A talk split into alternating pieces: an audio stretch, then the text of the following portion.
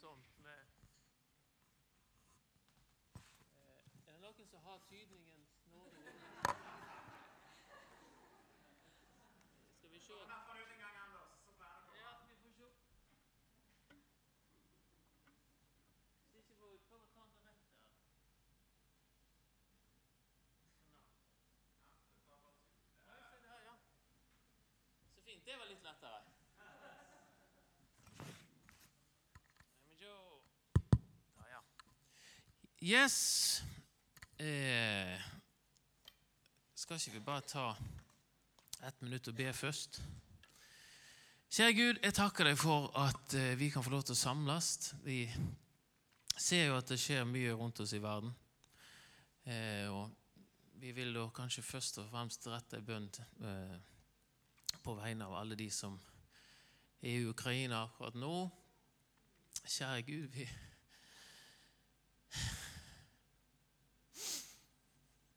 Vi ber om at du må hjelpe de av dine som er der. Led de med visdom til å gjøre riktig. Hjelp de menneskene som er der. Og så ber vi at du må hjelpe politiske ledere som har innflytelse til å gjøre de riktige tingene. Vi ser at du eh, sier om, mye om at i de siste tider så skal det stramme seg til, men så sier du òg at vi må rette oss opp. Så jeg ber om at eh, Vekk opp ditt folk i bønn, i tjeneste, i innsats, eh, til å utgjøre en forskjell i denne verden vi lever i. Vi ber spesielt for våre brødre og søstre i Ukraina. Hjelp, hjelp de. Så ber jeg om at du må hjelpe meg i denne her, eh, lille talen her, eller denne her, eh, lille gjennomgangen, at jeg kan få lov til å dele noe fra deg. Amen. Nå ble jeg litt eh, skjelven her. Eh, Jeg er ikke så god på sånn raske skifter. Ja. Vi eh, kom til mars. Vi skal ha en runde der vi Vi kan vel ikke si at vi skal gå gjennom Salmenes bok. Det blir litt heftig prosjekt. Men vi skal i hvert fall inn og åpne lufta litt i salmene.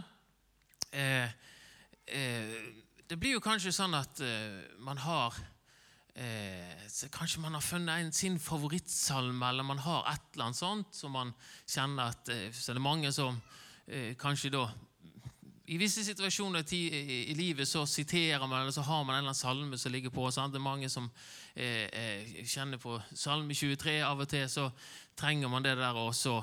Nå trenger jeg å slappe av, nå trenger jeg omsorg. Da treng, kjenner jeg å ligge i disse engene og, liksom, og kjenne at Gud passer på meg, for nå røyner det på. Eh, jeg er jo litt sånn rar. Jeg er sånn Salme 119 og sånn syns jeg er stas, men 160 vers det liksom skal vi ikke dra på her.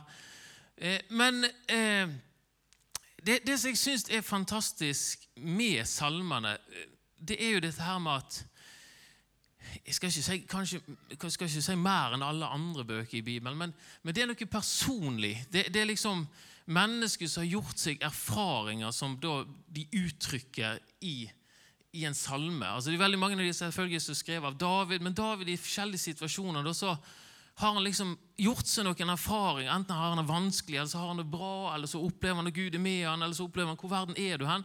Men så har han uttrykt det her da i en salme. og eh, Selve ordet egentlig salmene handler om at dette skal spilles med gitarklimpring i bakgrunnen. og litt sånt eh, der. Eh, det er ikke det som kanskje vi tenker først og fremst på at vi må ha musikk til disse her tekstene. her, for dette Rimformen på hebraisk er litt sånn kinkig å sette musikk til for oss. Men for oss så blir det det der, det der som de har klart å uttrykke av en opplevelse i en situasjon. De har gjort seg noen erfaringer som de uttrykker i en salme. Og det, det, kan vi kjenne at her treffer det oss. Det er noe sånn der, hva skal du si, universale ting som bare går gjennom tidene, men erfaring man har gjort seg med Gud. Så uansett hva tidsalder man lever i, selv om dette er skrevet for mange tusen år siden, så kjenner vi en sånn nerve når vi leser salmene. Eh, så jeg har lyst til å ta og snuse litt på noen av disse her visdomssalmene som vi finner. Vi kan dele inn salmene på forskjellige måter, og det har vært delt inn på forskjellige måter. Nå har vi en sånn type Man snakker gjerne om en sånn femdeling av salmene. Det skal vi ikke bruke mye tid på. Man tenker kanskje at eh, det var Esra som samla de salmene liksom i den formen vi kjenner det i dag. De har funnet spor av kanskje tidligere inndelinger. Alt etter hvem som hadde skrevet de, og hvordan de var brukt. Men eh, skal vi se om denne her funker, eller må vi trykke på Den var tom for strøm. Da får vi trykke på her. Eh, man regner altså De salmene som vi har i Bibelen, er skrevet i en sånn tusenårsperiode ifra de inngår, altså gikk inn i Kanaan, etter de har gått ut fra Egypt, eh, og fram til da Esra kommer på banen. Eh, de har vært i, i, i, fangenskap, eller de har vært i, i Babel. Riket er blitt delt og sånn. og Så kommer da Esra og fører de tilbake igjen. I den perioden der, over en tusenårsperiode der, i Israels liv, så blir disse eh, salmene skrevet. og var først og fremst tenkt til, til bruk i Israels sitt gudstjenesteliv. Da kommer Esra, og de bygger opp igjen tempelet. Tempelet er blitt rasert eh, av Nebukadneser og gjengen. Eh, vi bruker ikke så mye tid på det, men da har man altså fått at Esra tar tak i dette. her. Vi skal få opp liksom gudstjenestelivet igjen. Og Da samler han disse salmene sånn som vi kjenner i dag. De blir skrevet over lang tid, men til bruk da i Israels gudstjenesteliv. Og vi kan, om vi vil, bare som en sånn oversikt, kanskje snakke om en sånn tredeling, hvis vi tar veldig grovt sett. Eh, det at Disse salmene de inneholder budskap om lovprisning, om lovsang. Altså at Det er kanskje det som er grunntonen, selv om det er mye klagesalmer, det er mye forskjellige typer salmer så ligger det i bunnen en sånn at Gud skal ha ære. ligger En sånn lovprisningsundertone som ligger i salmene. I tillegg så ser vi også at det er veldig mange bønnesalmer. Der kommer disse klagesalmene inn. Eh, hvor er du hen? Hva skjer? Kan du se til meg? Nå har jeg det vanskelig. Forskjellige sånne typer salmer. Men så ser vi også at det er veldig mange vi snakker om kongssalmer eller messianske salmer. Veldig mange salmer som peker framover mot Messias. Sånn at egentlig så eh, får du en slags sånn oppsummering av hele Bibelens budskap i sangform. Så hvis du er på den banen der at du har behov for å synge deg gjennom hele Bibelen, så kan du ta og synge deg gjennom salmene. Lage deg noen melodier, og så har du fått liksom hele innholdet på plass. Eh, eh, det er òg sånn eh, interessant at når, eh, den, eh, Hvis vi husker når Jesus han har vært ute og og Etter han var stått opp igjen, så var han ute og så møtte han to karer som var på vei til Damaskus. Og Så eh, begynner han å snakke med dem, og så begynner han å legge ut ifra alt som, de, de kjenner han ikke igjen. Og Så begynner Jesus å legge ut om alt det som er skrevet om han i hele Skriftene. Jeg vet ikke om dere husker det verset. Så litt seinere sånn, Eh, så, så, møter han alle disiplene igjen. Nå skal jeg bare lese helt kort ifra, fra eh, Lukas 24. Når han møter da disiplene etter han har stått opp igjen, så står det Lukas 24, 44. Så sa han til dem, 'Dette var det jeg talte om' Unnskyld. Det var dette jeg talte om da jeg ennå var sammen med dere, og sa at alt måtte oppfylles som er skrevet om meg i Moseloven, hos profetene og i salmene. Så Der refererer Jesus til det som er skrevet om han i salmene. Og Det ser vi òg at det blir hyppig sitert fra salmene av Jesus av andre i Nytestamentet. Så eh, disse her eh, salmene liksom, det er Kanskje vi leser fort at vi har våre sånn, Feserbrev, Galaterbrev, og så har vi enkeltsalmer. Men det å bruke litt ekstra tid på å gå gjennom disse salmene, så får man faktisk veldig mye inside information, for å si det sånn. Eh, som vi ser også blir sitert i fra Nytestamentet, bl.a. av Jesus her. Eh, I hvert fall en 75 sitat finner vi i Nytestamentet fra salmeboken. Så En sånn kort kontekst eh, som gjør at eh, vi syns at denne salmeboken den var litt sånn Her har vi noe vi må ta tak i. her har vi kjenner noe, dette her setter vi av en måned til og går inn og snuser litt ekstra på salmeboken. Og kanskje skal ikke si børster støv av den, men kanskje ikke det er der vi holder oss mest. Så i dag så har jeg lyst å ta tak i det som man vil definere som visdomssalmer. Som, sagt, som jeg nevnte, så kan vi dele inn for salmene på forskjellige måter. En måte er å dele det inn etter tema. Og et tema som man kan sette på en samling av salmer, er visdomssalmer. Eh, vi har annen litteratur, altså eh, Salmos ordspråk, jobb, bl.a. Forkynneren, Høysangen, som man definerer som visdomslitteratur i Bibelen. Og vi har en god del salmer som har fellestrekk med denne visdomslitteraturen. Eh, hvis du skulle sagt og Dette var ganske interessant. Hvis, skulle, hvis jeg hadde spurt deg hva er visdom, er det noen som har en definisjon på visdom? Evne til å bruke kunnskap? Ja, men Det var spennende. Ja, kjempefint. Er det andre som har noe innspill? Visdom? Hva? Jeg begynte å lete etter en definisjon på visdom. Og det viste seg at det var ikke lettere enn eh, letteste du kunne finne. Jeg synes det er veldig interessant det som Marianne nevner her. Sånn vi, I skoleverket så, så, jobber vi nemlig med eh, kunnskap og kompetanse. Da sier vi at kunnskap, det er liksom, Da har du kunnskap om ting, men hvis du har kompetanse, så kan du bruke den kunnskapen til noe. Du kan bruke altså kunnskapen du har til å løse problem, så det står i den fine nye læreplanen vår. Kjente eller ukjente problem. Tankegangen er da at man kan bruke altså all denne kunnskapen. Det er ikke bare å ha kun formler, årstall og alt mulig sånn, men du må bruke denne kunnskapen til å gjøre et eller annet med det. Så Sånn sett kan vi si at visdom henger sammen med kanskje denne kompetansen. Men det er noe vi har en sånn følelse, Alle har en sånn følelse av visdom. Ja, det er et eller annet sånt, Folk som er veldig smarte, eller et eller annet sånt, et eller annet sånt der oppe. Så jeg måtte begynne å leite litt i dette her.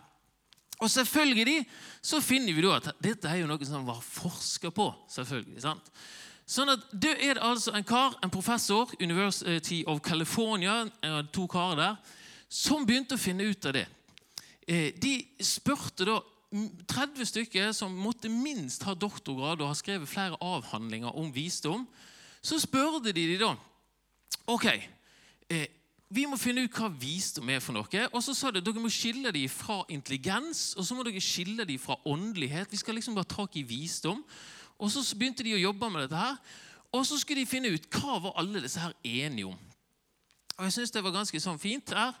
Eh, de ble da enige om at visdom er noe som bare menneskene besitter. Altså ikke dyrene. Det er jo greit nok. I tillegg så sa de at visdom er en avansert og erfaringsdreven form for tankemessig og følelsesmessig utvikling. Det var voldsomt flott. Men jeg synes det er ganske interessant at de peker på at visdom har noe med erfaring å gjøre. Man har fått noen, liksom man har opplevd et eller annet. Og så I tillegg så er det ikke bare sånn at man har erfart noe, men man har begynt å tenke. Man har begynt å reflektere. Man har liksom en følelsesmessig og tankemessig utvikling. Det har skjedd noe i dette mennesket som har erfart noe.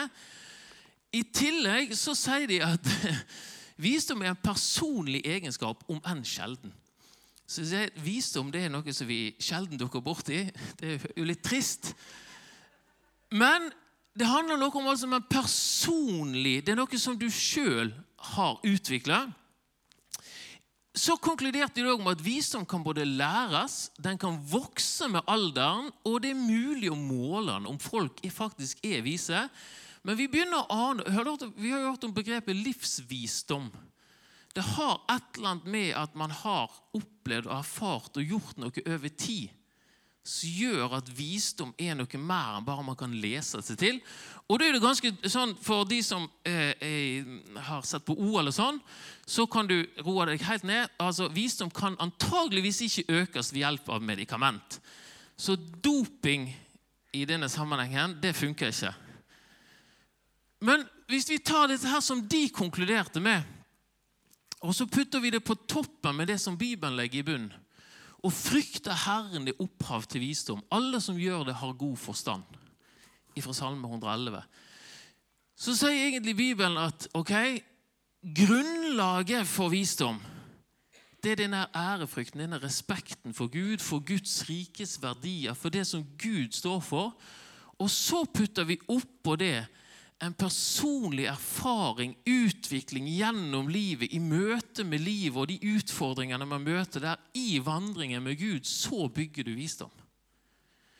Og Når vi da kommer inn til disse visdomssalmene, hva handler det om?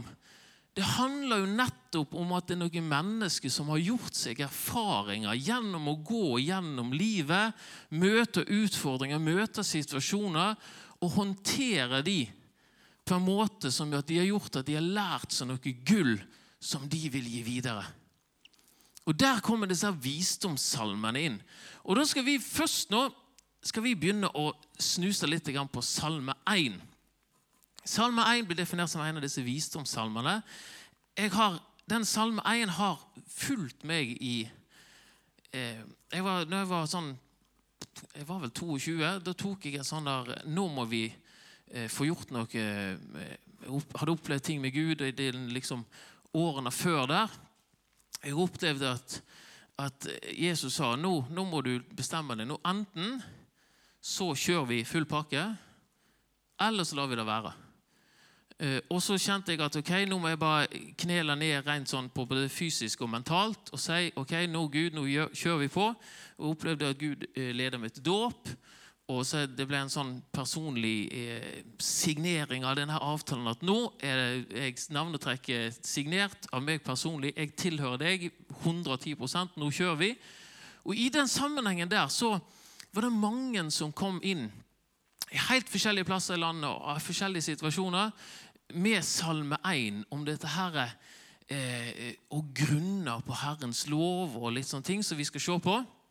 Eh, det står det i starten her. Jeg skal eh, ta det opp litt eh, punkt for punkt. Men i starten så står det 'salig den som ikke følger lovløses råd', 'ikke går på synderes vei, og ikke sitter i spotteres sete', men har sin glede i Herrens lov og grunner på Hans lov dag og natt. Eh, skal jeg hoppe litt videre her? Han er like tre plantet ved rennende vann de gir frukt i rette tid, og løvet visner ikke. Alt han gjør, skal lykkes. Og så kommer det, Slik er det ikke med den lovløse. De, eh, er lik agner som spres for vind. Vi skal ta opp litt punkt for punkt. Men jeg husker da når jeg, jeg hadde vært hjemme på, på sommerferie. Eh, jeg var møtt eh, et vennepar der hun de var forlova da, men hun hadde opplevd veldig mye spennende og inviterte oss inn til å bli med på en bibelsamling på sommeren der. Nå er det jo snart 25 år siden. Det er jo direkte skummelt. Eh, men eh, eh, der vi da begynte å Jeg tenkte det var fint å være med på dette her. Jeg tenkte ikke så mye mer. Men i sammenheng med denne bibelgruppa som oppstod den sommeren, der, så var det en som kom og delte dette her med meg. At, eh, at jeg var akkurat som dette treet, men, men røttene hadde ikke liksom begynt å vokse ennå. Sånn at du var ikke virkelig begynt å sirkulere med å få røttene ut i dette vannet. Så at jeg begynte å bli litt sånn fyrt opp i denne eh, gruppa her, og her skulle ting skje. Men så var det han som sa at nå må du la treet få tid til å vokse. Før du liksom bare løper ut i ting. Og så flytta jeg eh, til Lillehammer, og så av alle mm, rare ting så havner jeg i en leilighet da, i baptistkirka på Lillehammer. Så går jeg ned i kirkesalen der, og der henger det et kjempesvært teppe med motiv av dette treet som står ned med rennende vann. Og Da skjønte jeg at nå har jeg havna på riktig plass. Nå er liksom et eller annet skal skje. Og Der flytter jo Knut inn i naboleiligheten der oppe, og så har vi et langt tog der jeg har løpt etter. Han sier det. Men eh, det var liksom interessant også hvordan jeg opplevde at dette her verset ble gitt, at det er et eller annet med dette treet som skal være planta med disse rennende vannene. Og man skal grunne på Herrens lov. Det der også på en måte ha sin glede i, i Guds ord og grunne på det, så skal du være som et tre planter ved rennende bekker. Så Derfor har jeg et litt sånn personlig forhold til akkurat denne salmen. her. Men hvis vi hopper tilbake og bare tar den litt sånn eh, punkt for punkt her Hva er det som står her? Salig Eller vi kan si salighet Vi, vi snakker om kanskje en øverste, øverste form for lykke. Men det, det er noe òg med en slags sånn eh, En følelse av at eh, altså, Lykke det kan vi, er lykke? eller bare sånn ho, ho, Eller er det en sånn der jeg kjenner at nå er jeg på plass. Jeg kjenner at jeg har det bra, jeg er trygg, jeg er forankra. Altså jeg, jeg, har liksom eh, livet litt sånn på plass i forhold til å stå på beinet. Jeg står støtt. Eh, er du med på at eh, lykke er ikke bare liksom en sånn der kort eh, eh, opplevelse av å snuse på noen ro roser, men det er liksom en sånn der åh, Jeg kjenner at liksom, hva som enn kommer nå, så er, liksom dette her funker. Jeg kan liksom gå gjennom hva utfordringer som kommer, for at livet er på plass. Den følelsen der Salig er den som ikke følger lovløses råd. Så det, spør, første spørsmålet jeg tenker da, Hvem er det vi lytter til når vi skal ta valg? Altså, hvem er det som på en måte får lov til å tale inn i livet vårt? Eh, hvem er det som får lov til å liksom legge litt premissene for eh, når jeg skal bevege meg i en eller annen retning i livet, eller skal gjøre et eller annet eh, prosjekt jeg skal i gang med? Liksom. Hvem, hvem, er det som får lov til å legge inn premissene for hvordan det skal funke? Hva råd lytter jeg til? Ja, da sier jeg da, Selvfølgelig knytte opp til vi har sin glede i Herrens lov, men det kommer vi til. Salig den altså, som ikke følger lovløses råd. Hva går det på? For det første så kan vi tenke at ok, eh, det, da, det går på selvfølgelig forhold til Gud. Men så kan vi òg tenke det at ok, salig er den som ikke følger eh, hva skal du si, rådgivning som ikke er forankra i Guds rikes verdier. Er, er dere med på den tanken? Altså, det, det handler om ikke bare sånn at ja, nå, skal du bare si, flytte inn i menighetslokalet altså det, og, og, og, bare være liksom, Det er det dette handler om. Dette handler om å være ute i livet, men forankra i Guds rikes verdier, Guds rikes eh, du si, retningslinjer.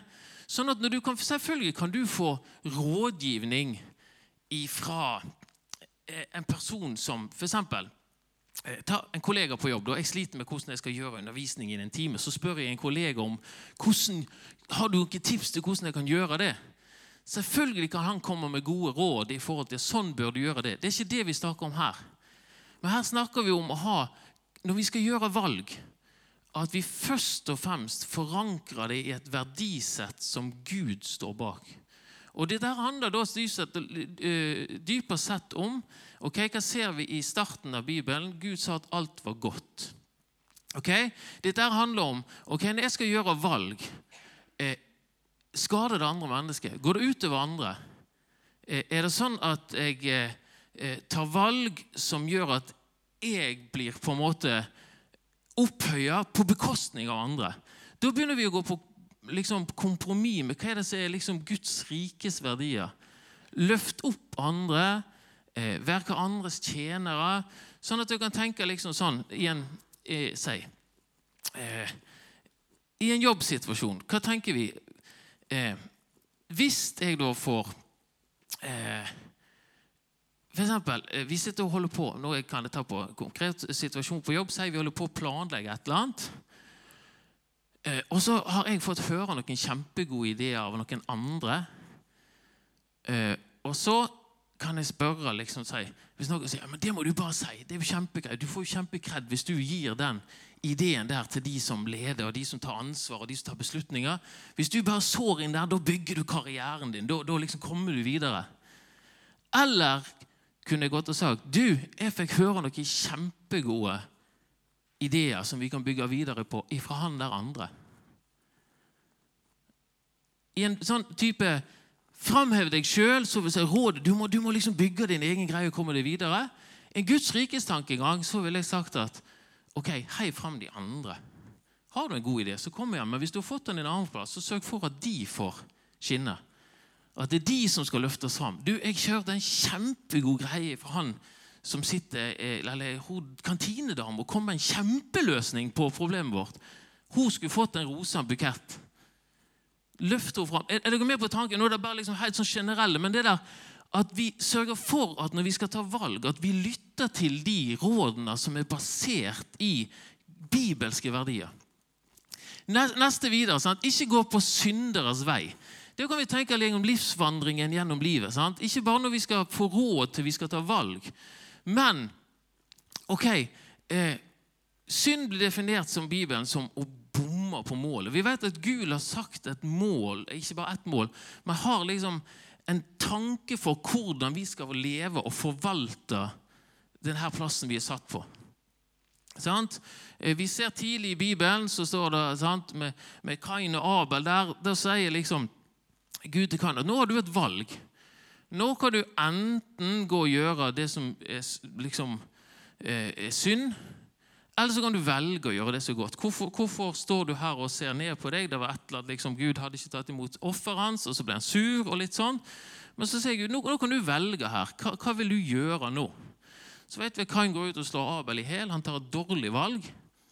Men ikke i så um, graverende grad som det at vi skal gå ut og slå folk i hæl. Det er ikke det vi snakker om.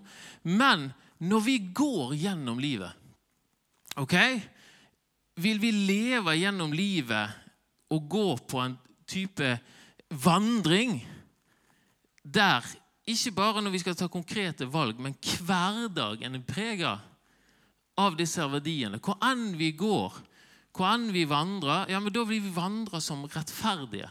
Som representanter for Guds rike, som gjør det som er godt. Ikke bare når vi skal lytte til råd, men som en sånn generell bevegelse gjennom livet. Og eh, jeg tenker, eh, disse her er Salme 1. Jeg tenker, vi, vi har en liksom parallell i, i, eh, i, eh, i bergpreken i Matteus 7. Sant? Eh, jeg, jeg, må bare passe på klokka litt her. Eh, Spottere sete, la oss ta det i samme slengen. Hva handler det om å spotte? Jo, det handler dette her om å håne, se ned på andre, snakke ned andre. Det å gå og, og, og, slenge litt drit og ja, de er sånn og sånn. Og, jeg hadde en, en konkret eh, situasjon der jeg var borti noen folk eh, som, som eh, eh, Der det var ei norsk jente som hadde valgt å bli ganske radikal muslim eh, og gikk med full Jeg er ikke så god på forskjellene på nikab og den der helt dekkende, der du bare har den Marianne, hva heter den? Ja, Den som er der du bare ser akkurat den. Burka. ok? Hun valgte å gå i full denne hele burken. Det var bare den du så.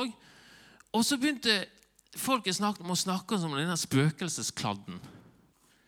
Og, liksom, og, så ble det sånn for meg at du kan være helt uenig i valgene hun har tatt.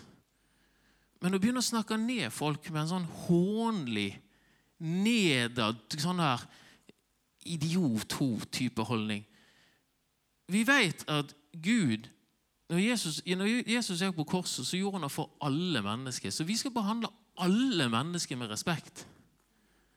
Uansett hva valg de tar, eller om vil være helt uenig, eller sånne ting. Men den der ikke sitt i spotteres sete. Ikke vær en som ser ned på og snakker ned andre.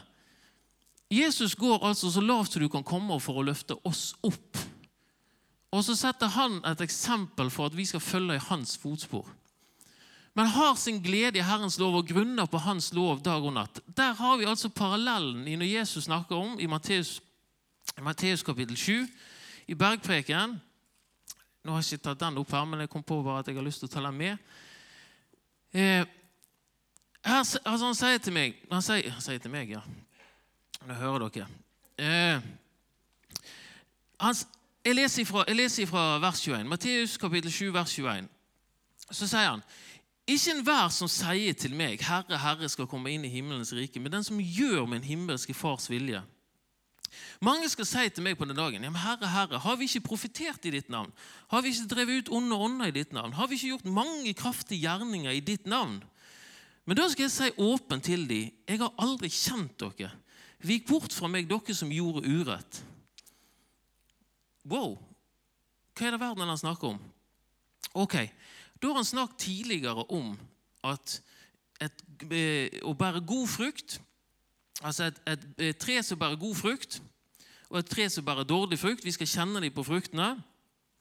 Eh, og så eh, Skal vi se Her. Eh, nå, nå, nå, må jeg ta, nå hopper jeg fælt rundt her. Jeg skal lese slutten her òg. Eh,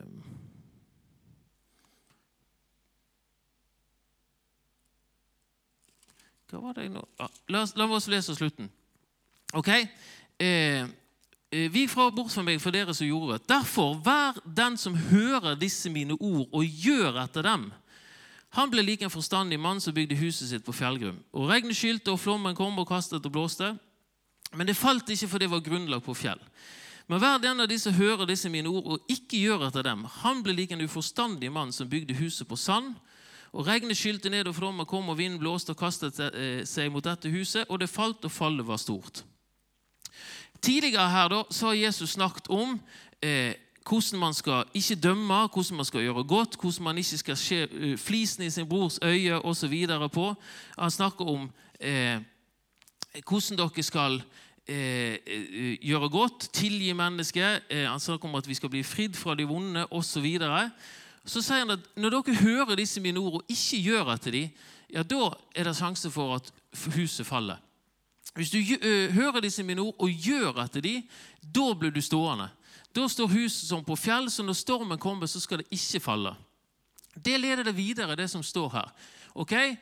Når vi hører ordet og gjør etter det og har vår glede i Herrens lov og grunner på Hans lov dag og natt, ok, hva er konsekvensen? Eh, han er like tre planter ved rennende vann. Det gir sin frukt i rett tid, og det løvet visner ikke. Ok, er det kanskje mange som har vært nede i Midtøsten her, eh, det er en god del som noen har vært der, er det veldig grønt og frodig der nede, Sigmund. Det er ikke det. sant? Det er relativt tørt og mye sand.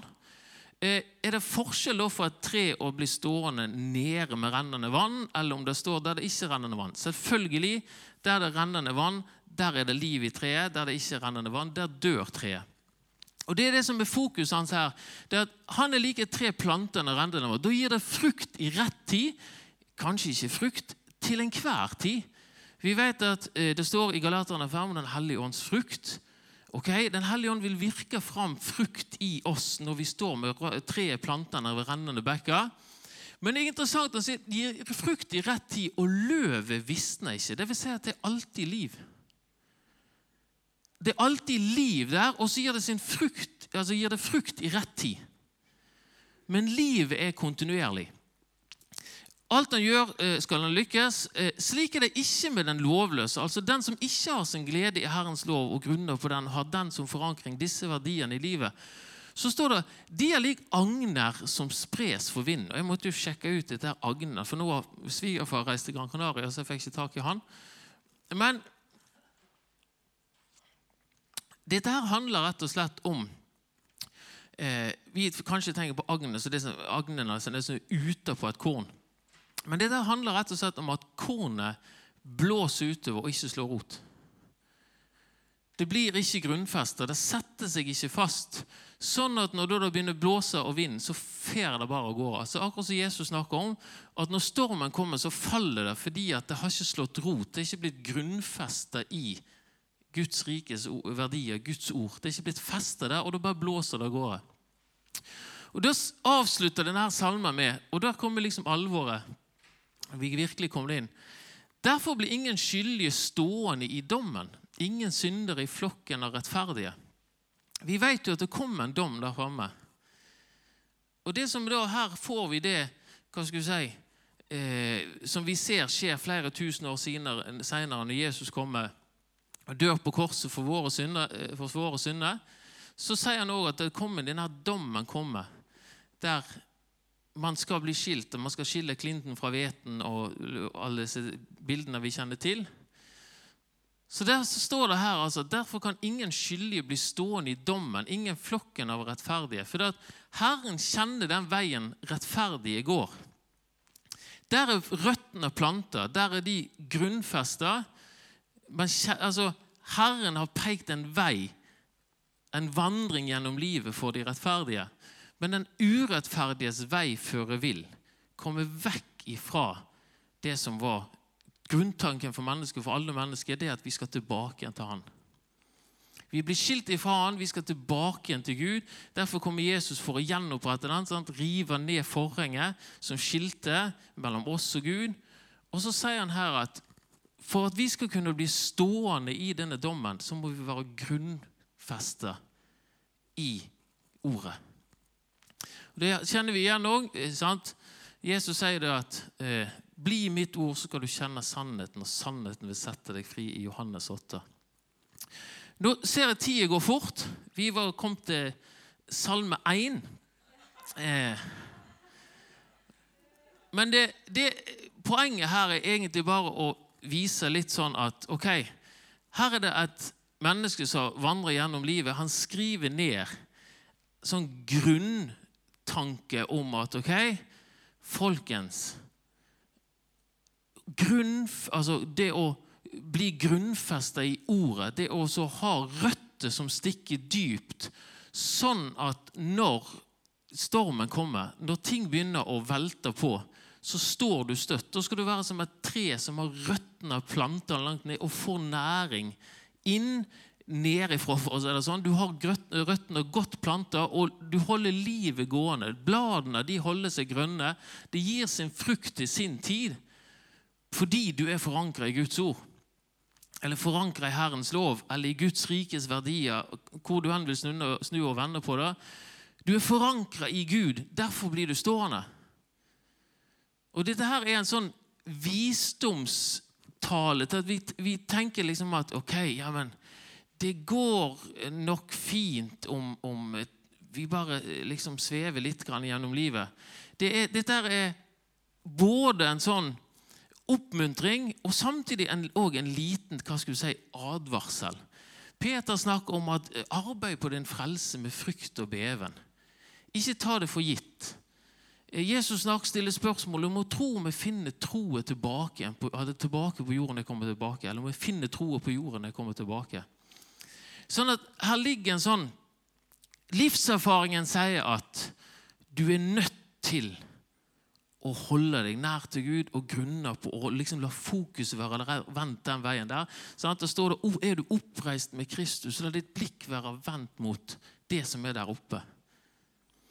Og det er det som vi nå i Salme 1 Da har vi liksom innledende egentlig greiene der. Da skulle vi ha Salme 19 og også 119, men vi gjør ikke det. Eh, Visdommen taler til oss, livserfaringen til, taler til oss om eh, Hold dere nær til ordet. Det er egentlig det vi kan konkludere med her. Du skal bli stående gjennom, du skal bære frukt i rett tid. Hold dere nær til Gud og grunn på hans veier. Så tror jeg vi avslutter der. For vi har eh, Jeg er liksom helt forvirra av denne koronaklokka og hvordan tid Men er det ja, ok.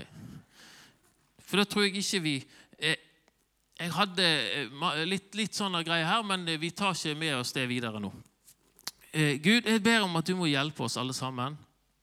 I dette informasjonssamfunnet som vi lever i, der vi får masse informasjon rasende inn hele tida. Hjelp oss til å avgjøre hva vi lytter til.